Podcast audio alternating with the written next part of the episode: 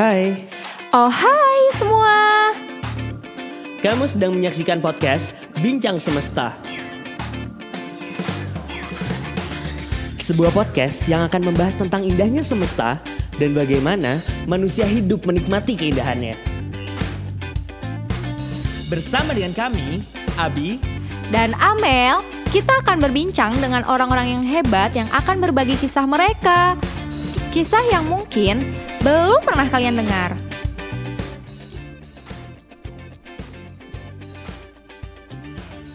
podcast ini akan dimulai dalam hitungan 3, 2, 1. Kamera roll.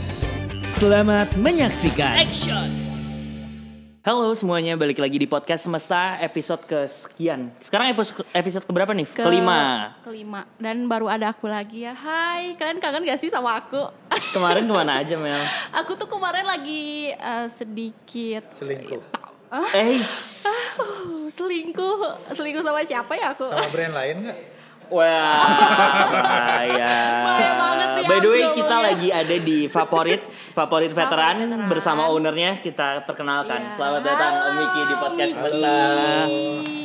Apa Saya kabar bukan- Om? Saya bukan ownernya, saya security. Oh, Oh, security, di favorit ternyata. Iya. Pantesan ya, nggak pernah kelihatan Iya, ada iya. di atas gitu. Jadi saya security, saya yang menjaga Yang menjaga keberlangsungan. keberlangsungan favorit. Keberlangsungan favorit. gitu. Rendah hati sekali. Oh, majuan. Nah, Nah, lebih enak kelihatannya. Om. Apa kabar Om? Baik, alhamdulillah. Gimana? Sangat sangat baik. Eh di kala pandemi yang udah berjalan satu tahun lebih ini hampir dua Hampir tahun. dua tahun. Pandemi sih biasa aja ya buat gue. Wih, Cuman omsetnya yang luar biasa. Luar biasa apa tuh? luar biasa. Ada yang luar roller biasa coaster. naik. roller Naik coaster, turun berarti ya. naik turun. Naik turun berarti. Eh, bukan, roller coasternya yang udah rusak turun-turun. Oh, turun terus. Belum naik ke atas lagi gitu om. Enggak sih, kalau buat gua pribadi itu yang namanya bisnis itu naik turun itu sudah hukum pasti. Ya kan? Justru kalau buat gua pribadi bisnis itu yang sudah eh, bukan pasti tapi hampir pasti itu adalah kerugian. Hmm. Oh, Ah, kenapa oke. tuh? Iya dong. Kalau lu nggak mau rugi jangan berbisnis. Oh Iya benar. emang bener. Ya Kadang kan? itu mental yang orang-orang nggak punya di saat mereka mau mulai bisnis ya. Ya? Betul. Kalau nggak berani rugi jangan berbisnis. Iya, iya. Nah, kenapa tadi gue bilang itu hampir sebuah kepastian karena bisnis itu eh, rugi itu bisa pasti, untung masih harus dicari. Oke. Oke. Ngerti oke. nggak? Ngerti. Nah, Oke, oke. minimal kalau misalnya bisnis kita harus meminimalisir, belajar meminimalisir Kerugian kerugian. kita. Kalau itu udah terlewati, untung pasti mendekat. Oh, itu berarti cara Om Miki dal- dalam menjalankan sebuah bisnis. Iya, jadi kalau misalkan kondisi kayak pandemi, gua rasa ini sebuah hal yang biasa dalam eh, dunia, bisnis, Hmm. gitu. Jadi jangan kaget. Nah Om, ngomongin soal bisnis nih. Mungkin banyak yang nggak tahu bahwa Om Miki tuh bukan hanya eh, punya toko vape. gitu. Oh iya. Om Miki kan juga seorang desainer interior kalau nggak salah ya. Lebih pastinya saya punya istri. Eh, Ah. Nah coba ceritain gitu. Kenapa harus ceritain bini gue? Enggak. kenapa? Ya, Enggak enggak soal soal desain interior itu emang emang salah satu bisnis yang Om Miki punya atau gimana? Jadi sebelum saya masuk ke dunia vape itu, saya sudah eh, menjalankan usaha di interior design. Ah, Oke. gitu. Nah, itu dari 2011. Ya kan? Oh, udah dari lama berarti, Om. 2011, betul. Jadi dari saya selesai kuliah itu saya belum pernah memanfaatkan ijazah untuk difotokopi. Maksudnya? Jadi kayak langsung bisnis Oh, gitu. eh, untuk eh, apply apply lamaran. Apply lamaran tuh nggak pernah. Nggak pernah. Oh. Bahkan ijazah saya sendiri itu eh, saya ambil mungkin setelah 10 tahun saya lulus. Diem aja di 10 kampus. Didiamin di kampus. Benar. Serius, Om? Benar, karena untuk saya saya selalu eh, menjaga jangan sampai ketika bisnis saya turun saya tergiur untuk melamar pekerjaan. Oh. Jiwanya emang bener-bener jiwa bisnis banget sih pas Enggak sih, sebenarnya gambler aja. itu salah satu apa ya? eh, jiwa yang dimiliki oleh beberapa pebisnis. Iya beberapa pembisnis. Ya, Jadi ada pebisnis kuat. yang dia emang gambler, ada yang safety Ada, player uh-uh. kan ya. Ya. Oh Miki berarti yang gambler nih. gambler. Gue kondisi apa pun ya gue sikat aja dulu. Urusan jadinya kayak gimana itu tuh urusan belakangan. Yang penting gue nggak mau banyak mikir, gue maju, gue melangkah. Setelah gue maju, oh tahu nih ini salah.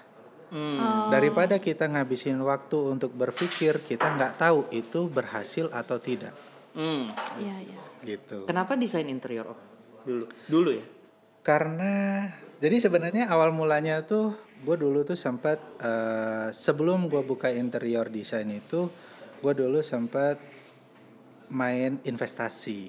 Hmm. Oh, Gitu. saham gitu Om. Bukan. Jadi ke- awalnya itu tuh ada orang yang datang nawarin Pak saya tuh punya usaha begini begini Oh. begini boleh nggak saya pinjam uang? Oh Iya. butuh uangnya berapa? Sekian. Oh oke kita coba pakai tabungan yang ada kita coba. Ternyata sebulan itu uangnya dikembaliin terus ada lebihnya Pak makasih ya udah dipinjemin uang. Bukan riba karena nggak ada akad eh, untuk dijanjiin berapa Ah, persen Iya, berapa iya. persen Oh, enggak. iya. Tapi ini uangnya udah saya kembalikan, terus ini dari hasil usaha, ini ada hadiahnya. Ah. Nah, kan, gua hitung-hitung, oh lumayan ya, gitu. Oh ya sudah deh, mungkin cuman selewat, itu rezeki selewat aja. Oke. Gua, gua anggap bonus dong. Ah. Ternyata beberapa hari kemudian orang itu datang lagi. Pak, saya butuh lebih besar, mau ngangkat barang eh, untuk dijual begini begini begini. Gua ceritain lah sama nyokap. Nyokap gua lepasin masnya. Coba nih, jual. Oh berarti disupport sama. Disupport sama nyokap. Coba nih jual. Oh oke, akhirnya gua dapat duit lebih besar, gua kasih ke orang itu. Ya kan? Itu sebuah kepercayaan yang kita kasih. Iya betul. Nah, orangnya itu tuh ternyata eh, bisa cukup bisa menjaga kepercayaan. Akhirnya eh, dia sebulan kemudian dia balikin uangnya. Berikut ada lagi lebihnya. Lebihnya. Oke. gitu. Bukan bunga. Bukan. Eh, Beda. Kalau- ya. keuntungan, Iya. keuntungannya. Keuntungannya, Kalau ha-ha. bunga itu nanti jatuhnya riba. Riba. Iya sih. ya. gitu. Nah di situ gue mikir oh ya sudah. Ternyata terus berkelanjutan hampir setiap bulan kayak gitu Hmm. gitu. Nah dari situ s- berjalan kurang lebih setahun setengah. Setahun setengah gua sampai akhirnya dapat uang itu setiap bulan besar karena akadnya adalah hutang piutang bukan investasi. Jadi orang itu tuh eh, ngedrop usahanya hancur. Oh, Kalau akadnya tidak. hutang piutang itu tuh harusnya kan dia eh, apa namanya? Harusnya dia itu bayar dong, tetap bayar apa pun itu. Iya. Kalau investasi dia gagal, nggak bisa bayar ya udah risiko kerugian bareng-bareng. Karena akadnya hutang piutang ini tetap harus, Harus dibayarkan. dibayar. Harus dibayar. Nah, sebelum usahanya hancur, teman-teman gue tuh nanya, Miki, lu kerja apa sih? Emang kenapa? Enggak, gue lihat lu tuh kan bangunnya siang. Hmm. Terus malam biliar sampai pagi. ya kan? Bingung ya orang-orang. Atau suka dugem misalnya ya. Kerjaannya apa nih? Kerjaannya apa? gitu. Kok anak muda bisa punya penghasilan belasan sampai puluhan, Puluhan juta? Nggak jelas nih, ya kan? Gua ceritain lah. Jadi gue kenalan sama ibu ini misalnya. Lu nih nanya sama gua, Hmm. gua kenalin. Nih namanya Amel, dia punya usaha yang begini begini begini. Dia suka minjem duit gua ke gua gitu. Terus dia suka ngelebihin. Oh, kenalin dong. Gua kenalin lo. Ya kan? Dari Ternyata dari situ akadnya bukan hutang piutang antara lu sama Amel. Investasi. Tapi- Investasi. Karena gua yang ngenalin dan kita cuman ada bertiga persis kayak sekarang, Aha. gua dijadiin saksi. Oh. Oh. ya kan? Berbulan-bulan ketika dia lagi untung, lu dapat untung, gua dapat untung. Ha. Gua nggak dapat keuntungan dari lu dari gua ngenalin lu Hmm. gitu. Tapi karena gua uang gua ada di dia, Iya. uang lu ada di dia, dia untung, kita Jadi, untung. iya. Oh. Nah, berbulan-bulan jalan seperti itu baik baik baik baik sampai akhirnya orang itu tuh eh, bangkrut. Ketika bangkrut, dia ngomong, Pak Miki, saya nggak bisa ngelanjutin lagi dan saya udah bangkrut. Loh, terus gimana dong? Uang gua gimana? Uang teman-teman Iya. gua gimana? Gitu. Ya Hmm. itu kalau uang teman-temannya Pak Miki kan itu nil- akadnya kan Akad adalah investasi. Di saat rugi Berarti ya, dia rugi. saat Iya kan? untung untung barang, Iya, rugi rugi, rugi barang. barang, betul, Akad betul. gua gimana? Akad gua kan hutang piutang. Oh iya Pak, saya minta waktu ya sekian tahun untuk bisa diberesin. Ah. Oh oke, lu nggak terima, Hmm. lu nagih-nagih ke gua. Karena orang ini nggak mau ketemu sama lu gitu Iya. loh. Iya, iya. Nah, nilainya orang-orang kayak lu totalnya yang ada duit di dia itu 500 juta, Bro, atau setengah miliar. Umur gua waktu itu baru umur sekitar 21 tahun atau 22 tahun. Oh iya. Wow. Om, wow. Keren tapi. Jadi semua teman-teman gua itu itu tuh minta ke gua ya lu yang harus gantiin, lu yang kenalin. Padahal Eh, kan sorry. Om Miki kan sebagai Iya, saksi cuma di situ. saksi. Betul. doang. Sorry, gua cuma saksi. Tapi kan lu teman gua, Bro. Apa segala macam? Ya memang. Sampai akhirnya ada yang benar-benar salah satu di antara mereka ada yang emosi. Sampai gua ngomong, ya kalau lo memang pengen eh, ngebunuh gua silahkan. Yang penting hutang lu bisa dianggap beres. Tapi kalau misalkan dengan nyawa gua lu nggak bisa beresin atau niat lu keikhlasan lu nggak Iya, bisa nggak- nggak diberesin, muncul juga. nggak muncul juga, ya buat apa? Akhirnya dari situ gue tipes karena gue harus ngeberesin hutang 500 juta nih. Wow, Padahal umur bukan 22 utang Om tahun. Miki sebenarnya. Iya. betul. Umur 22 tahun Om punya beban. itu udah punya. dua bulan gue nggak keluar kamar, tipes gue, ya kan? ngeri, ngeri, sampai kakak-kakak gue itu eh, nelpon, sampai dia datang ke rumah, Miki berapa nilai hutang lu? Totalnya 500 kak, cak gue bilang. Eh, ya udah, gue minta listnya, gue yang transferin, gue yang beresin hutang. Gue nggak mau punya adik stres kayak lu. Oh gitu. Gua bilang, Cak, sebelum gua tahu lu dulu juga nggak nggak suka dengan cara gua atau lu nggak ngeridoi gua gitu. Tapi gua tetap kekeh untuk ngelanjutin ini dengan kesadaran gua. Jadi gua minta lu jangan bantu gua Wow. Wow. gitu. Lu jangan bantu gua untuk ngeberesin utang itu. Biarkan gua sendiri. Jadikan gua laki-laki. Itu yang gua omong. Gila. Umur 22 tahun. dari situ eh ya gua karena tipes kakak gua pal- balik ke Papua dia nelpon ki lu bisa nggak? Jangan terlalu fokus sama mikirin kesalahan dan hutang itu. Maksud lu gimana? Lu coba ngapain deh? Biar lu bisa refresh gitu. Oh oke. Oke. jadi gua di kamar yang dua bulan gua nggak buka jendela nggak buka pintu jadi bau apek dan sebagainya itu gua beresin. Ya kan? Mulai Terus- move on lah ya. Ya, gue belajar lah dikit-dikit, gue beresin lah, gue takut ketemu orang dan sebagainya.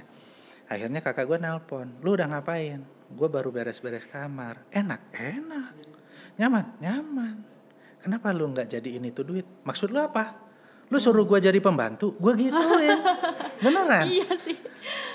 Maksud lu gue suruh beres-beres eh, rumah orang?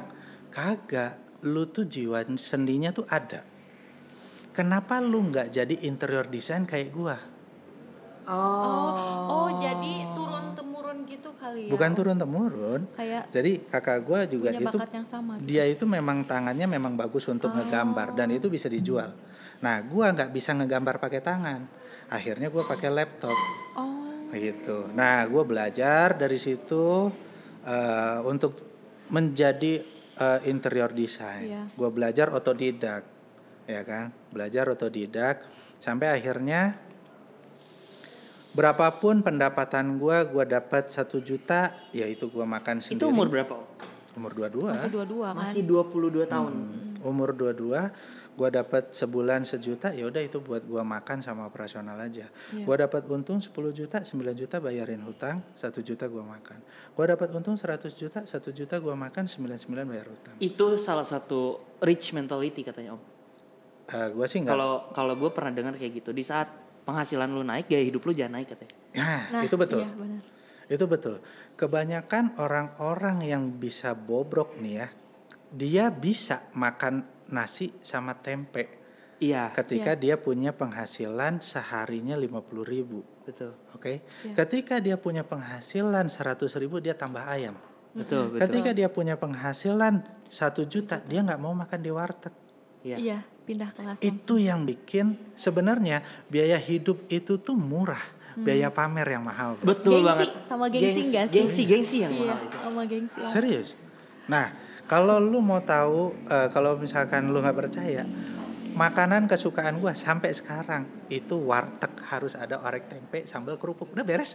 Weh, Makanya gue kadang tuh, ih kok anak-anak gue lebih mewah ya daripada gue. Gue yang kampungan atau mereka yang kota banget gitu kan.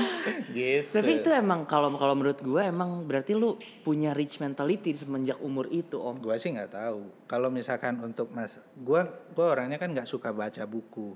Gue Iya. cuman baca buku itu baca cover, daftar isi, kesimpulan. Tengahnya gue nggak pernah baca. Ah oke. Oke. Itu cara belajar gue cepat. Selebihnya gue tinggal praktek. Oh salah nih, gue cari tahu salahnya di mana. Oke. Tinggal gue belok kanan atau belok kiri. Berarti tipikal yang learning by doing ya. Ya, betul. Nah, dari situ gua bisa ngeberesin hutang yang setengah miliar itu tuh kurang lebih satu tahun. Kerjanya itu tuh karena gua sarjana informatika. Bahkan ada beberapa customer interior gua, mereka ketika nanya, e, Pak Miki ya? Iya. Dari rumah dekor ya? Iya. Mana bu yang mau dikerjain? Ini pak, gini-gini. Sambil gua ngegambar, dia nanya, Pak Miki, Pak Miki lulusan interior mana? Gua nggak mau jawab. Ah Gue nggak mau jawab. Sampai akhirnya pekerjaan itu selesai, udah diinstalasi semua. Dia nanya lagi, Pak Miki interior mana? Baru gue jawab, saya Widya Tama. Oh, Dan Miki saya teknik informatika. Loh, kok bisa begini? Kalau ibu, pertanyaan ibu yang kemarin saya jawab dari awal, ibu pasti nggak akan order Gak akan ke percaya, saya. nggak akan percaya Gitu. soalnya. Gitu. Jadi saya nggak mau, gua nggak mau bohong, tapi nggak mau terlalu terbuka sebelum gua bisa menunjukkan hasil. Kejujurannya di, diatur lah mana yang Diatur. harus kita jujur duluan ya. Iya. Jadi kamu Widya Tama juga kan? Iya, aku kaget. Aku dia sama. Kan aku tenas loh. Bukan. Jadi di situ gue jadi belajar. Oh begini cara meng- eh, menghadapi orang. Iya. Kita nggak boleh bohong, tapi kita atur timing untuk mengatakan yang sebenarnya itu tepat atau enggak. Gitu. Hmm. Kalau untuk gua. Om, kalau boleh ceritain, berarti Om Miki bisa membereskan hutang 500 juta itu di umur berapa? 23 tahun. Wow, men. Wow, keren ya. Ya ampun. Keren Dan banget sih emang. itu sih yang yang bikin gua eh, sangat salut Om. Gua harus banyak belajar nih sama lu gimana cara ngaturnya. Yang lu bilang, gua punya penghasilan satu juta, gua pakai makan satu Iya, juta. Gua punya penghasilan 9 juta, satu Ya, juta juga yang gua pakai makan. Itu karena nahannya gimana Om? Simpelnya sih gini ya. Gua sebenarnya nggak banyak belajar dari siapa-siapa, cuman gue punya prinsip gini. Kalau gua selalu mendahulukan urusan orang, ya. Tuhan akan membantu urusan, Urusan kita untuk selesai. selesai. Gitu. Jadi yang gue pikir, ya sekarang kita hidup tuh tujuannya buat apa sih? Sebenarnya kalau boleh bahasa simpelnya, hidup itu adalah menunggu mati. Iya. Iya. Betul, betul, Betul, betul. betul. Gua pengen menunggu mati dengan cara apa? Ada kertas kosong nih. Kertas kosong ini tuh gua mau dapat rapot merah atau rapot biru. Iya. Karena nanti ketika kita hidup, orang di sekitar kita tuh, ah lu apa sih, lu siapa sih, Iya. apa segala macam. Ketika kita udah nggak ada, oh ternyata lu tuh begini ya. Baru Hmm. kerasanya di ujung. Karena ya. dia yang akan baca kertas Ada kita. legacy yang kita tinggalin. Betul. Karena gue pun dulu juga eh, kenapa gue kayak gini punya prinsip yang kayak gini. Gue dulu juga ditinggalin sama almarhum bapak itu kelas gue kelas SD kelas Hmm. 4 Anak kelas 4 SD tuh nger ngenal ngenal baik nggak sih tentang orang tuanya? Enggak. Enggak, belum, belum. Nah, ketika gua SMP, gua SMA, gua tuh pulang ke Madura, gua pulang ke Jember. Kamu siapa? Oh, saya Miki, anaknya Syahrawi. Oh, anaknya Syahrawi. Bapak kamu tuh begini, begini, begini. Oh. Jadi saya hidup sekarang, gua hidup itu sekarang dari cerita seperti itu. Oh, saya udah baca nih kertas putihnya bokap gua nih. Gue udah baca, ternyata rapotnya biru semua yang nyampe ke telinga gua. Di situ yang bikin, oh ternyata jadi orang tuh harus begini ya. Dan gua pun juga pengen ninggalin kertas itu untuk anak-anak gua seperti itu juga. Iya, iya. Karena eh, Om Miki udah ngerasa bangga gak sih Om eh, pas denger Bapak Om Miki diomongin Iya. baik oleh orang Positif gitu. Bangga dipandang dong. positif. Dan Om Miki pengen anak Om Miki merasakan itu ya. berarti. Iya, Oh, gitu. Jadi kan sebenarnya kalau kita hidup tuh kan kita mau lu terserah kok semua orang mau ngapain itu terserah Iya. kok bebas kok gitu yang tahu keburukannya kita cuman kita, Kita sama sendiri. Tuhan gitu kan cuman problemnya buat gua sekarang nih kala pandemi banyak orang yang dipecat kerja Iya. Ya kan dikeluarkan. Banyak orang juga untuk berusaha menyelamatkan pekerjaannya. Jadi alhasil dia harus cari muka depan bosnya. Benar nggak? Benar. Buat banget. gua lu salah kalau lu cari muka sama bos lu. Lu salah kalau lu cari muka sama manusia lagi. Manusia itu gudangnya masalah bro. Wow, men. kalau lu mau cari muka semua orang kala pandemi ini terancam mati minimal terancam matinya karena kelaparan yang udah pasti. Betul. Iya. ya kan lu harusnya cari muka sama Tuhan lu banyak-banyak berdoa lu gitu Lebih kalau buat gua sih gitu Mm-mm, Oke. Ya balik lagi, jangan eh, kalau kita berbuat baik ke orang, berbuat baik ke Tuhan, kan Tuhan yang ngurus Iya kita. Tuhan ya. juga yang ngurus Betul. Makanya kenapa sebelum pandemi, sebelum pandemi itu total timnya favorit itu awalnya kurang lebih sekitar 14 atau 16 orang. Setelah pandemi totalnya sempat di angka 38 orang. Justru. Malah naik ya. Padahal omset lagi turun. Kenapa om alasannya? Karena gue yakin secara bisnis nggak masuk. Karena Gua- yang tadi kali. Betul. Karena gua pun juga sampai sampai belajar sama coaching bisnis ternama di Iya. Indonesia. Itu harga belajarnya itu per 3 jam lewat Zoom bayarnya 20 juta, hampir Hmm, 20 wow. juta. Itu sampai mereka pun tepok jidat, lu ngapain kayak gini? Loh, gua bilang salah gua di mana? Secara hitungan bisnis nggak masuk, Bro. Bener gua bilang. Gua mau bawa mati apa? Dia diem. Ke sana mikirnya. Eh, iya, ya sekarang gini aja. Nggak ada yang bisa lawan. kalau Ya gitu. dari situ gue mikirnya gini, ketika eh, semua orang lagi terancam mati, kita kan harus pinter-pinter cari muka. Yang tadi, cari muka gue caranya seperti itu. Lu jangan pernah cari muka ke manusia deh, mending ke Iya. Tuhan ya. Semesta Kalau- banget sih. Jadi kalau buat gue pribadi itu gue ngomongnya gini, eh, dari segi bisnis memang gue turun, pengeluaran bertambah, pemasukan berkurang, tapi Tuhan tidak tidur. Oh ternyata Miki itu ada ya fungsinya ya untuk hidup. Kalau lu mau percaya nggak percaya nih ya, semenjak gue punya hutang 500 juta itu, gue berkali-kali untuk bela mencoba sesuatu yang berbahaya. Nyetir dari Bandung ke Jakarta, rumah gue di Antapani, sampai ke Bandara Soekarno Hatta 45 menit. Hah? Saking gue pengen, bang selesai. Wow, Wow. what do you think now? Itu siang-siang loh, jam 2 siang. Hah? Jam 2 siang? Oh Jam bukan 2 siang. malam? Bukan, 45 menit serius? serius. Bandung Jakarta. Lu emang udah pengen mati om banget.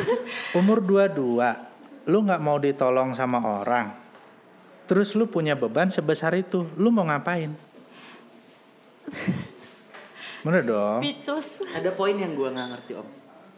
Tapi di situ karena gua muslim, Allah nggak izinin gua mati. Iya. Iya. Dari situ gua mikir, kalau Allah nggak izinin gua mati, berarti gua harus berguna buat orang. Hmm. Jadi Gitu. kritis banget ya Om ya pemikirannya. Ya, Menurut aku. Ya karena kalau misalnya kita selalu mentingin ego, Iya. ego, ego, jujur bro. Kalau misalnya gua pengen hanya sekedar Duit. rupiah, gua nggak perlu buka vape store. Serius. Karena di interior aja gua udah cukup. Coba kita mulai masuk ke situ. Terus alasannya apa? Untuk buka vape store. Iya. Karena in this day banyak banget orang yang melihat kolam ini gitu sebagai kolam yang punya banyak ikan Hmm, dan dia pengen ngambil ikan sebanyak-banyaknya. betul. Itu hal yang manusiawi. Nah, kalau Om Miki masuk ke dunia vape ini bukan karena itu, terus karena apa? Tujuannya apa Om? Gua itu cerita awal ya. Oke. Gua ngerokok itu pertama kali gua isep rokok gua ingat banget. Itu gua TK. TK dong. Itu TK. Lu gaul di mana sih Om? Iya. TK udah udah, berani ngerokok. Gua turunan Madura. Oke. Bokap nyokap gue itu tuh orang Madura. Dan anak-anak Madura umur 3 tahun tuh udah begini bro. Oh. Karena kita orang Madura itu petani tembakau. Oh. Eh gue baru tahu kalau itu. Iya, Madura aku baru tahu kan setahu aku yang Apa? Sate. ini Kediri Madura. bukan, Kediri kan. Itu pabriknya. Oh. Iya kan? Enggak tahu kan? Enggak enggak tahu. Masih aku. Bahkan gue kalau nggak salah ingat ya, gue pernah baca tembakau terbaik itu adanya di Indonesia dan Pulau Madura. Oh. Ya kalau itu make sense. Gue pernah baca juga itu kalau itu. Ada di Indonesia tembakau terbaik. Tembakau dan kopi kan.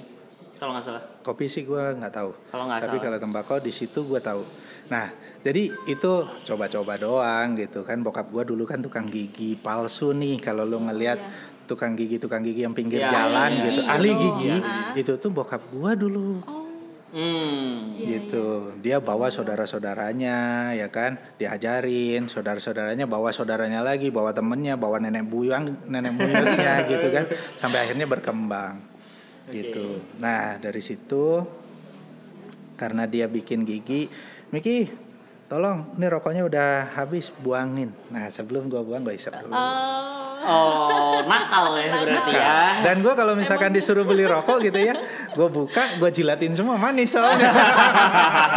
Waktu itu kan kita hidupnya sederhana ya. Iya, iya. Buat beli permen aja juga lumayan susah. Jadi gue ngejilatin sesuatu yang manis dari situ gitu. Nah, dari situ balik lagi pas waktu gue kerja di interior design, karena gue nggak pernah belajar secara formal untuk bikin sebuah gambar tiga dimensi, gue itu harus belajar sendiri dan kadang itu tuh tiga hari tiga malam gue nggak tidur. Karena kalau orang seni, ketika dia tidur atau moodnya udah keganggu, dia rusak. Lama lagi dia Iya, kerja. betul, Iya. betul, betul dong. Rata-rata juga katanya sering begadang kan kalau orang desain kan, gue jarang jar, tidur. gua jarang tidur saking gue pengen on nih gitu tiga kali 24 jam harus harus ngeberesin deadline Iya. Gue mana mana belajar apa ngegambar baru belajar gitu deadline-nya udah gitu kan wah ya udah deh gue harus ngerokok sehari bisa habis lima bungkus Wow. Terus oh. minuman energy drink sehari bisa dua kaleng tiga kaleng. Gila sih. Kopi hitam sasetan itu bisa lima Oh, gelas. gue kalau gitu geter sih om sebadan badan. Gua Asam geter bro. langsung. Tiap kali gue selesai beres gambar nih, gue udah kayak orang pulang dugem, mabok gue. udah Geter ngambang itu, gitu. GERD biasanya Nah dari situ itu habit gue bertahun-tahun dari 2011 sampai 2014 pas waktu gue baru merit anak gue pertama baru lahir. Hmm. gue udah capek gue pengen tidur sama anak meluk sama anak kok nggak bisa? Karena gue bau rokok. Takutnya nanti anak gue kenapa-kenapa. Ya kan? Akhirnya di situ gue harus mandi lah gosok gigi lah apalah gitu jadi akhirnya kok gue ngerasa kayak dibodoh-bodohin ya sama habit gue ini Hmm. gitu loh Yang rokok itu. akhirnya gue cari alternatif gitu gue cari alternatif gue beli vape yang pertama kali eh, yang cuman kayak pot apa kalau sekarang tuh modelnya kayak pot, Oh, lah iya, ya yang Iya, dulu yang ah, kecil yang itu dulu. ya. Ah. Elego Twist plus mini protein 3 Oh itu tahun berapa? liquidnya Ejusmai buatan Malaysia satu botolnya harga 50.000 isinya cuman 10 atau 15 mili doang Kayaknya ingat, kayaknya ingat, kayaknya Iya, kalau ditetesin paling gua suka itu cool raspberry. Ditetesin ke apa? Misalnya Ada di drip tip itu gitu. tuh udah mulai Ah. basah nih, kita lap itu ada merah gitu kan, karena liquidnya warna merah. Iya, iya. Nah di situ gua baru nyobain itu, gua isep, gua pakai terus dua jam terus terusan. Eh, kok lama-lama jadi enak. Sampai habis tuh satu botol Hmm. habis satu botol terus nasi goreng gue udah datang gue makan beres makan gue pengen bakar rokok dong Rokok, rokok. nah pasti. udah bakar rokok udah bakar rokok ternyata kok nggak enak ya gue gua ganti ambil stok rokok gue yang masih baru gue buka oh kok nggak enak ya jangan-jangan kada luar gue buka lagi nggak enak lagi sampai gue beli lagi di Indomaret Hmm. kok nggak enak oh berarti udah selesai nih Masalah Iya. kebutuhan rokoknya Kebutuhan udah rokoknya udah. udah iya, ada. karena men- karena satu niat gua gua harus berhenti ngerokok dan yang kedua habit gua udah mulai mungkin udah ternetralisir ya rasa-rasa pahit yang biasa kita dapetin di rokok berubah jadi manis pas waktu kita ngisap lagi rasanya pasti berubah ya kan dari situ gua ngerasa ah udahlah gua nggak mau coba-coba lagi hanya butuh waktu dua jam untuk berhenti ngerokok yang dari sehari lima bungkus Benar Perubahan, ya. perubahan yang sangat Oh, om. Miki.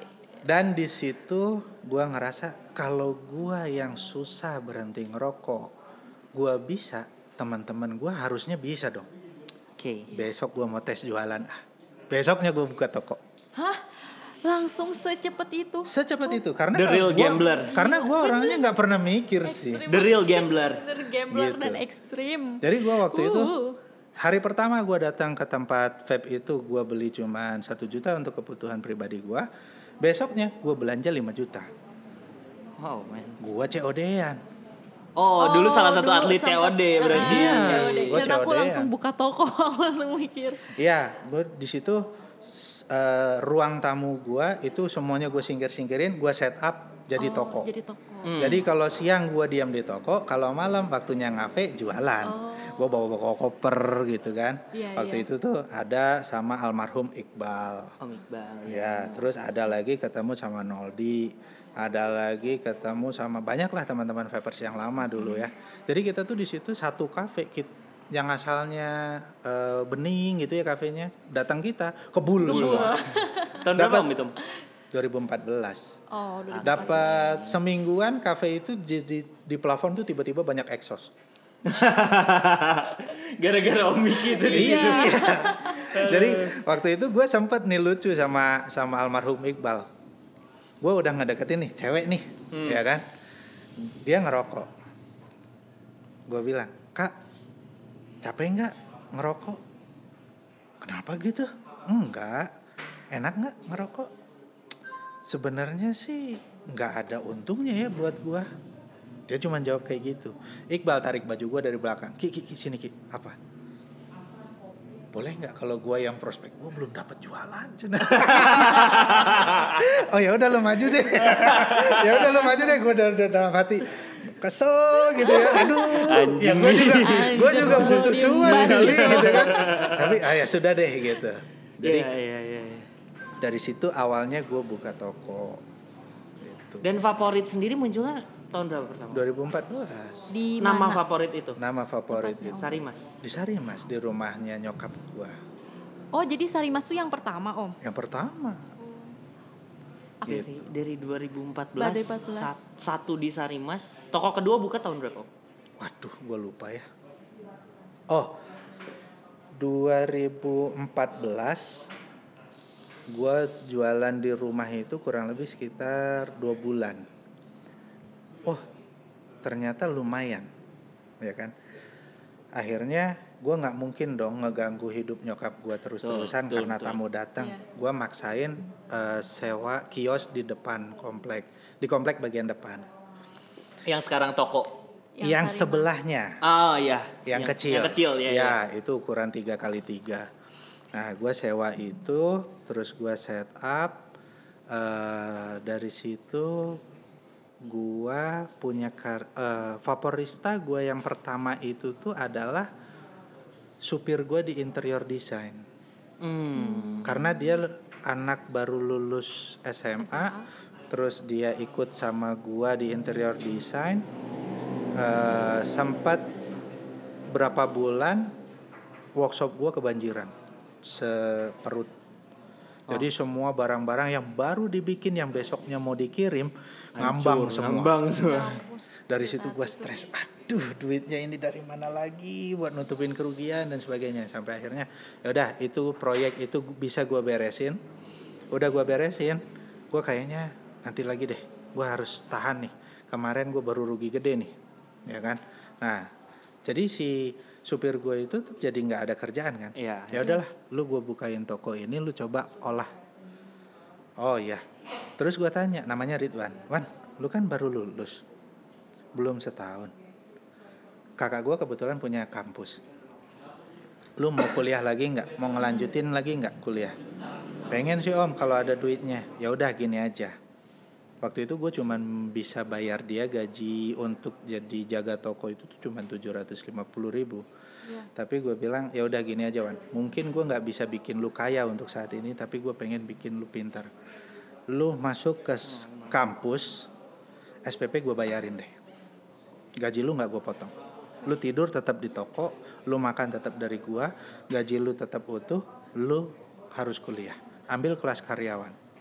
Siapa tahu gua mati cepat atau usaha gua kelar, lu masih bisa punya planning untuk ngelanjutin hidup lu. Gua mulia gitu. banget ya Om Miki. Bukan bukan mulia sih kalau gue sih cuman buat ah ya udahlah gue yang penting gue mati itu nggak nggak malu banget lah gitu. Ini pasti banyak yang nggak ngerti sama pola pikir yang kayak gini sih om. Iya.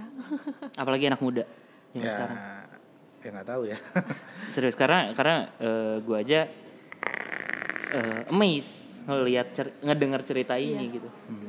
Karena sekarang tipikal anak muda banyak yang hanya mementingkan dirinya sendiri. Dirinya sendiri. Hmm. Dan lu dari muda kalau yang gue dengar ceritanya, lu udah memikirkan orang lain, bahkan Iya. udah mikir ke atas. Udah mikir ke atas. Kenapa gue kayak gitu? Gue pernah, gue juga pernah muda kan. gue dulu tuh di pesantren. Itu teman pesantren gue tuh, si Mas Helmi. Itu teman di pesantren. Jadi gue dulu tuh sempat ada di dalam pesantren. Ya lu tau lah anak-anak pesantren itu kan dikungkung ya, Iya, gitu. betul, kayak di penjara gitu kan. Itu kita tuh pas dapat PKL keluar kota itu tuh kita nakalnya luar biasa. Lu tahu Merasa bebas ya. merasa bebas. Gue pengen Keluar nyobain semua yang ada di dunia ini. Iya. Pola pikirnya kan begitu. Akhirnya gue eh apa kenal sama orang luar. Akhirnya ke bawah pernah minum Iya. gitu dan sampai over. Empat hari empat malam gue nggak bangun. Wow. Siap-siap mau disolatin bro. Itu di bangun-bangun ditanya manro Iya, buka ngeri tuh om. gitu. Jadi jadi dari situ gue ngerasa apa ya kalau gue kayak gini-gini terus sih gue kayaknya nggak jadi apa-apa Iya, deh nggak dan gue ya, Om. dan gue kalau misalkan gue harusnya apa kalau gue harus mati pun gue gue juga malu banget gitu loh sama Rapot yang lu tinggalin merah. Iya, bukan iya biru. gitu udah mah malu di mata keluarga yang gue tinggalin gue juga di atas juga digoreng kali Iya, ya kan udah mateng, digoreng mateng. gosong disempurnain lagi digoreng lagi digosongin lagi terus aja kayak gitu gitu Om Miki, eh, ngomongin tadi soal kemanusiaan. Eh, Om Miki, menurut Om Miki tuh sekarang manusia dan alam itu kayak gimana sih? Kepekaannya gitu kalau manusia lebih kayak gimana? Gue sih nggak tahu ya alam sekarang masih nyanyi nggak ya Bah dukun. Aku jokesnya tadi nggak nyampe loh, aku sumpah. beda lu kan belum jadi ibu-ibu gue udah bapak-bapak Eh gue ya kan? kebayangnya langsung muka om Dupe anjir sumpah. Om Dupe Demi tuh. Allah. Demi Allah. Parah banget ya. Gak bisa. Gak bisa ada video Patrio yang nge-review semesta. Iya. Ngomongin. Oh iya, yang Iya itu. Ya menurut Om Miki kepekaan manusia sama alam semesta tuh sekarang kayak gimana sih? kondisi kalau gue lihat itu semenjak sosial media yang benar-benar eh, booming ya itu tuh benar yang kata lu anak muda zaman sekarang itu lebih banyak mementingkan ego Iya. pribadi Tuh. nah di situ juga jangankan untuk sama alam sama manusia yang lain aja belum tentu peka gitu loh. Itu yang gue selalu eh, ngoceh ya kalau misalkan di favorit ini lagi di kantor. Gue paling ngoceh itu lu coba itu sampah beresin dong. Ini apa dong? Itu kan hasil kerjaan lu Iya, sendiri. betul. yang begitu aja maksudnya Susah ya Om. tanggung jawab kecil ada. aja lu nggak bisa ngejalanin. Gimana dengan lu dikasih tanggung jawab besar? Kalau lu tanggung jawab kecil nggak bisa ngeberesin lu nggak akan pernah dapat penghasilan besar. Karena lu cuman main di lingkup situ doang Iya. Iya. Lu gak berkembang sama sekali. nggak berkembang gitu Benar, benar, benar. jadi kalau apalagi ada nih contoh yang real banget ada seseorang menulis di atas kertas manusia itu terlalu sombong terlalu egois dia bisa menuliskan yuk selamatkan pohon lu tahu kertas itu dari, Dari apa mana? Dari Iya, pohon. dari pohon. Betul, betul. ngerti nggak sih Iya ngerti bang. gitu loh jadi gue bingung ini orang tuh sekarang gimana ya ya kalau lu memang butuh kertas ya udahlah jangan tulis itu Jadi kontradiktif ya, Iya, kontradiksi. gitu. Bener-bener. Tapi ada pesan yang lebih baik yang dia tuliskan dibanding kertas itu cuman sekedar untuk pacaran, tulis surat dan sebagainya. Seenggaknya dia melakukan sesuatu walaupun eh, Meskipun itu salah. meskipun itu salah gitu. Iya, tapi dia lebih baik. Ngerti nggak? Dari pola pikir tuh kayak gitu kalau buat gua. Nah, Om, kalau ngomongin soal alam manusia, ini agak bahas semesta dikit nggak apa-apa ya Om. ya. Jadi kan si semesta ini adalah produk yang emang diciptakan bukan hanya untuk meraup keuntungan Iya, karena bukan hanya yang kita liquid yang juga. kita gedein tuh kan campaignnya gitu kan. Hmm. Dan campaign kita emang ke arah ke arah alam dan hubungan manusia gitu. Gue tuh pengen banget ngobrol-ngobrol sama orang kayak Om Miki gini. Pengen menyadarkan manusia-manusia lain di luar sana untuk lu coba care each other. Lu coba jangan pikirin diri lu sendiri. Lu coba berpikir ke atas deh gitu. Uh-uh. Karena manusia, Tuhan dan alam kalau kata pepatah Sunda ada yang namanya tritangtu. Om. Nggak Tritang tritangtu itu eh, keseimbangan di mana manusia, alam dan Tuhan itu ada di ada di titik seimbang. Nah, Dan itu yang yang membuat segala macam rupa di dunia ini bisa terjadi. gitu. betul. Kalau itu gua pahami sebagai afirmasi. Ah, coba Om. Afirmasi itu apa om? Afirmasi itu sesuatu yang kita pikirkan secara mendalam dan terus menerus alam itu akan membantu mewujudkan. Nah, itu. Oh, lu pernah nggak lu naik motor ya. udah mendung aduh gue buru-buru mau meeting mau sesuatu mau ada sesuatu yang penting naik motor cet jangan hujan jangan hujan jangan hujan Iya. jangan hujan Dan Pas di saat nyampe baru hujan. Baru hujan. Pernah sih. dan Iya. bahkan aduh gue buru-buru banget lu ngelewatin perempatan lampu hijau lewatin perempatan lagi Iya lampu hijau tuh. Sering kayak gitu. itu tuh pola pikir kita yang didukung sama alam karena kita kuat banget minta itu itu yang gue pelajari dari sebuah bisnis MLM zaman dulu. Karena di MLM kita nggak dituntut untuk cari duit tapi kita memang harus berkualitas. Oke. gue orangnya kan susah senyum. Muka gue di sini jelek banget kan. Nah di situ tuh gue sampai diajarin sama upline gue lu coba nongkrong deh di gasibu atau upline gue waktu itu lu coba nongkrong di gasibu semua o- lu nongkrong dari jam 7 pagi sampai jam 9 pagi lu liatin semua orang lu tatap matanya dan lu senyumin. Karena orang itu upline gue ini orangnya nggak bisa senyum sama sekali. Dia harus belajar kayak gitu nyengir. Kakak A Kang terus kayak gitu. Sekarang dia berhasil dengan eh, kemampuan dia untuk bisa menaklukkan lawan bicara. Tapi emang iya Om, gue pernah baca juga buku Quantum Ikhlas tuh nggak? Gue pernah Ada, ada. sekilas dong Jadi di situ dijelaskan bahwa di saat kita berpikir positif, energi yang dikeluarkan oleh kita itu nyampe ke sana. betul Jadi di saat ya aduh gue telat nih. Kalau kita berpikir ya udah jangan telat, jangan telat, itu emang nyampe energi kita yang Iya. dikeluarin dari badan kita. Hmm. Itu nyampe ke setiap perjalanan kita tuh. iya Tapi kalau kita berpikir aduh men ini udah pasti telat, pasti telat. telat. Suges juga emang main Iya, ya. dan itu itu ada ada yang menjelaskan kalau nggak salah salah satu fak salah satu turunan ilmu dari fisika kuantum. Mm-mm. Itu seperti itu gitu. ya Dan lu kayaknya menerapkan itu ya Om selama ini dalam hidup. ya karena eh, ya gua gua mendapatkan pengalaman hidup gua sendiri itu kalau dihitung biaya mungkin sangat mahal ya jadi gua nggak mau dirusak pola pikirnya gua. Gitu. Jadi gua memilih lingkungan yang memang cocok. Gua berteman sama Amel. Gua berteman sama semua gua bisa. Gitu. Tapi di situ gua nyaman atau enggak sama Amel sama Abi. Hmm. gitu. Oh meskipun Amel lebih muda Abi lebih muda nggak menutup kemungkinan gua harus belajar dari kalian Oh, tapi kalau misalkan gua bergaul sama yang lebih tua sekalipun kalau gua nggak dapat pelajaran gua nggak mau nggak mau terus-terusan sering Oh, man. lingkungan lu yang membentuk diri lu itu ya. Iya. Di lu pernah lu eh, kalau mungkin tim sini semuanya udah pada tahu. Tapi kalau misalkan secara umum, lu nggak tahu kan kalau gue pernah jadi tukang parkir. Wah, Serius oh? 2004 gue datang ke sini selesai dari pesantren itu tuh karena gue yatim. Nyokap gue tuh ngelihat Miki kan lu bentar lagi mau kuliah.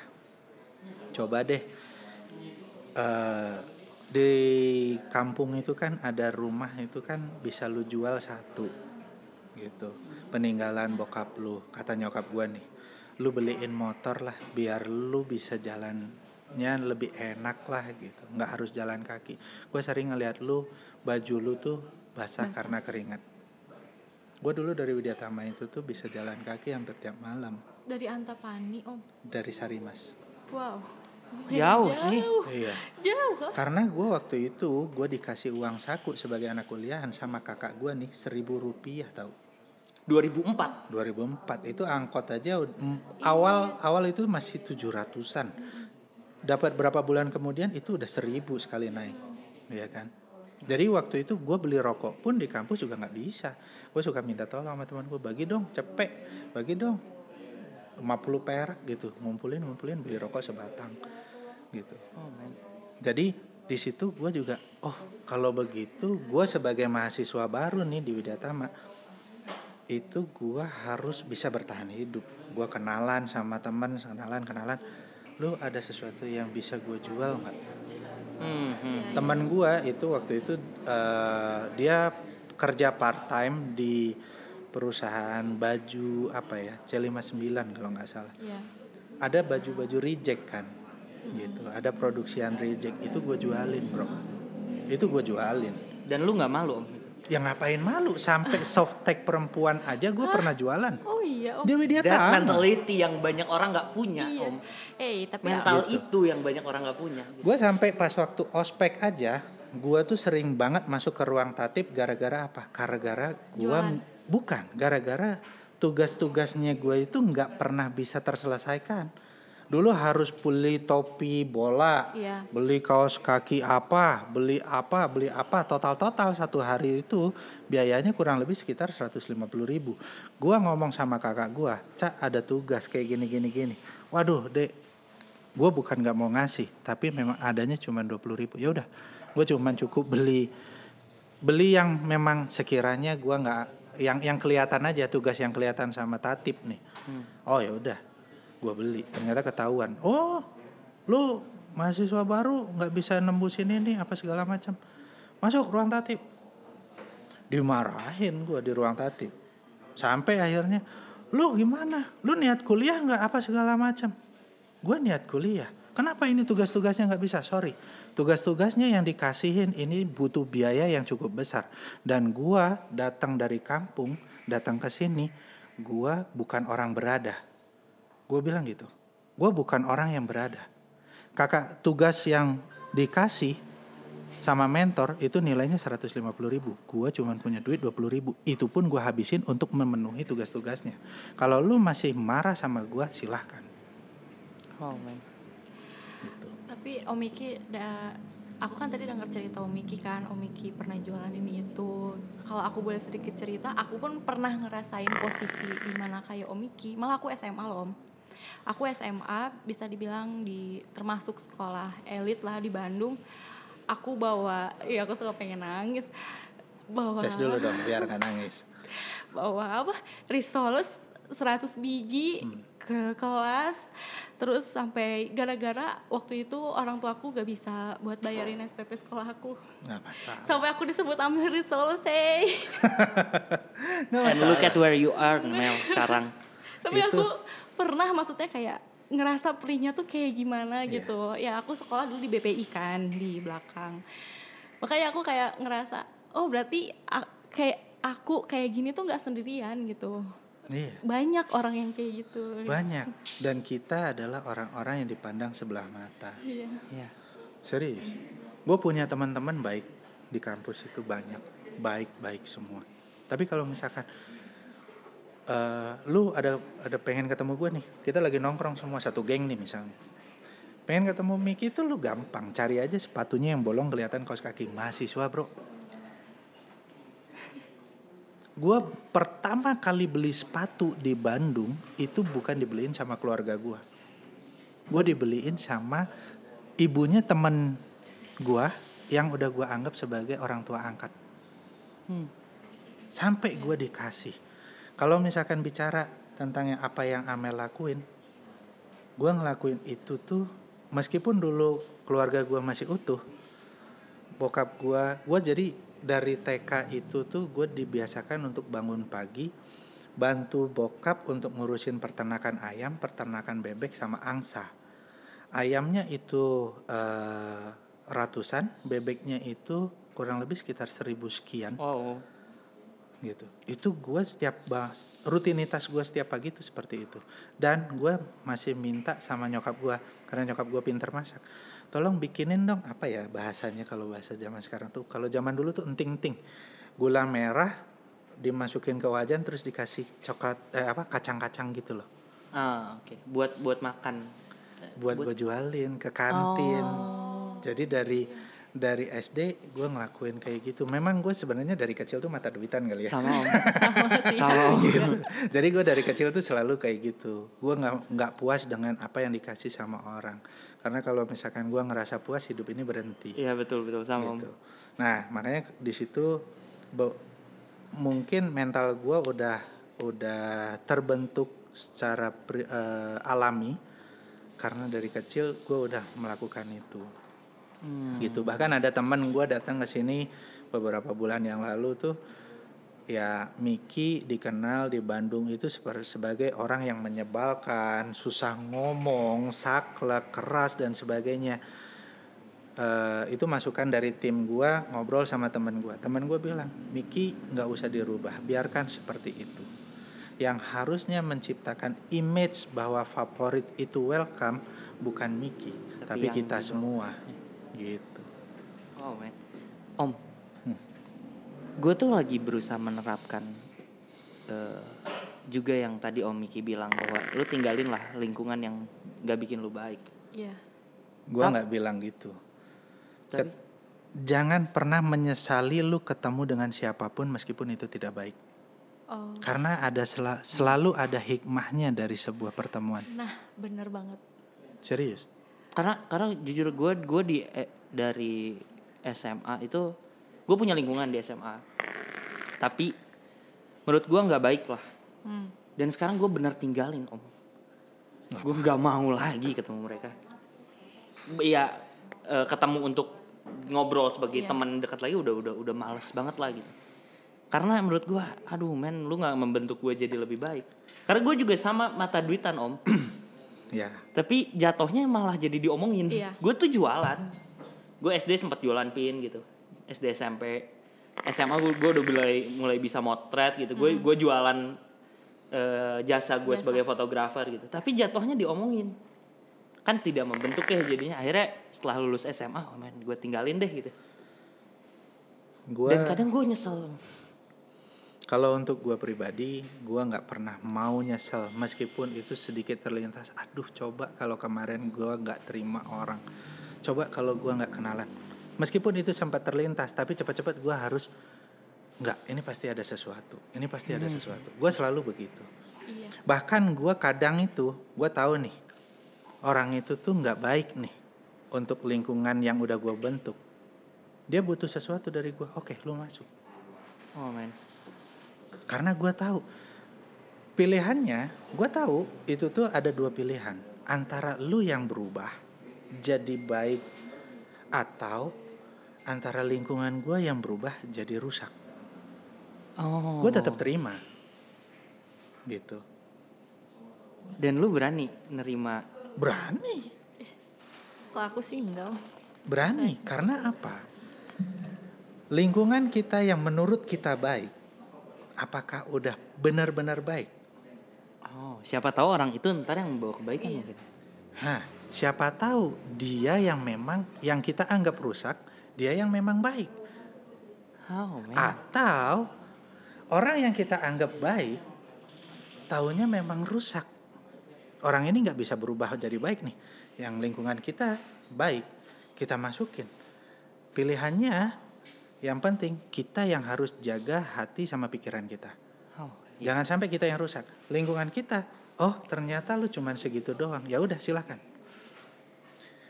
Orang ini masuk, lu mau bawa semuanya silahkan keluar. Ngeri ya. Gitu. Serius. Di balik gue bisa bilang favorit ini salah satu toko yang terkenal banget lah di Bandung. Mungkin. Karena gue sih nggak ngerasa itu ya. ya karena lu yang punya Om. Kalau gua ngelihatnya favorit Pandangan orang salah satu yang terkenal banget di Bandung. Udah punya sekarang 6 ya? Baru tujuh. 7. Oh, baru 7 berarti bakal nambah lagi nih. Ya nggak menutup kemungkinan kalau gue bisa bisa nambah ladang pekerjaan. kenapa Amin amin amin. Di balik besarnya favorit ini ada cerita lu yang benar-benar lu pernah jadi tukang parkir Om gitu. Gue pernah jadi tukang parkir itu pas waktu gue di gue memutuskan gue mengusir diri sendiri dari rumah. Yang tadi nyokap gue bilang ya udah jual rumah satu buat lu beli motor. Kakak gue pulang baru pulang kerja malam dan gue udah tidur. Nyokap gue ngomong intinya eh, Ki eh Abduh itu kan ada rumah di Jember itu jual salah satu kasihan adikmu biar dia nggak jalan kaki terus kakak gua ngerasanya nyangkanya gua yang ngomporin nyokap. Ah, oke. padahal gua udah nggak mau gitu. Subuh subuh kakak gua buka pintu terus dia teriak Miki bangun. Lu yang ngomporin Umi ya? Buat jual rumah. Apaan lu? Karena gua orangnya paling nggak suka difitnah. Dan dulu gua temperamen banget. Hmm. gitu. Apaan lu gua nggak ngomporin hampir gua mau mukul tapi keburu sadar ah gua nggak bisa sih kayaknya tinggal di sini gua nggak bisa. Akhirnya memutuskan pagi itu gua cabut dari rumah. Gua bawa ijazah SMA gua ijazah pesantren gua gua bawa semua baju. Dan gua jalan kaki dari Sarimas itu sampai ke masjid Jami Dago. Wow, dan di situlah gua jadi tukang parkir. Jauh banget. jauh banget. gitu. And hidup lu di situ gimana di saat jadi tukang parkir? Iya.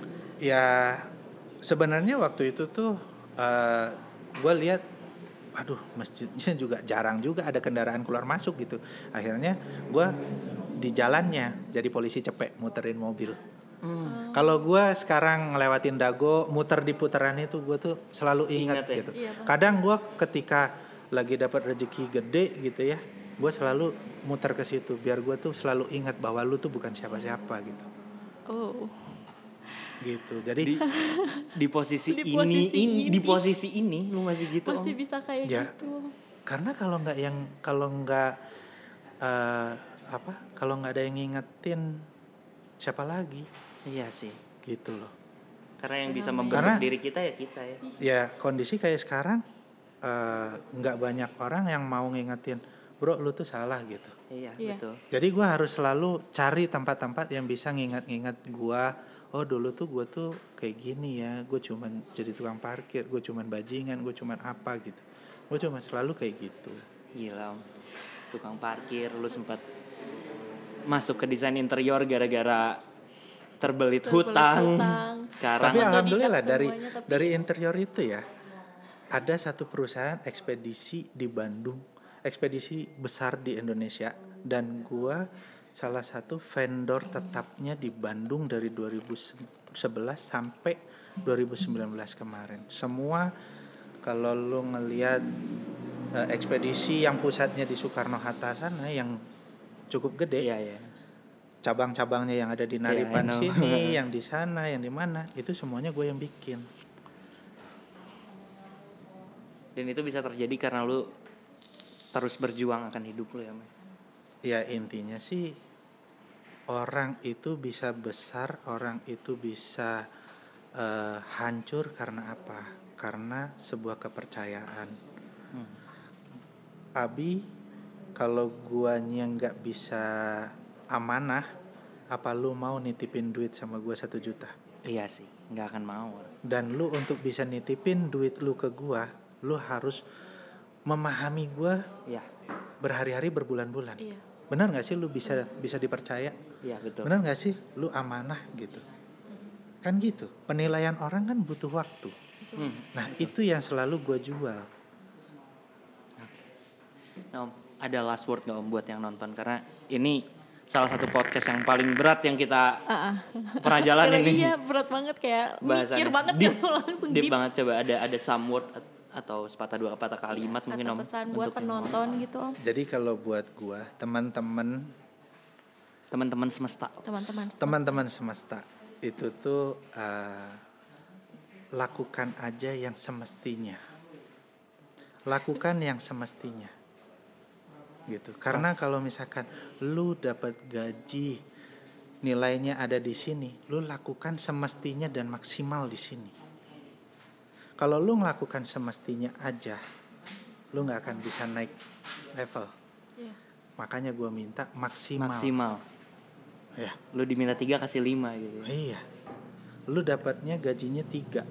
Gua kasih pekerjaan gua senilai lima. Nah, Itu. benar gitu. Gua udah dapat nih level naik ke angka lima. Gua kasih lagi 10. Itu yang selalu gua jalanin.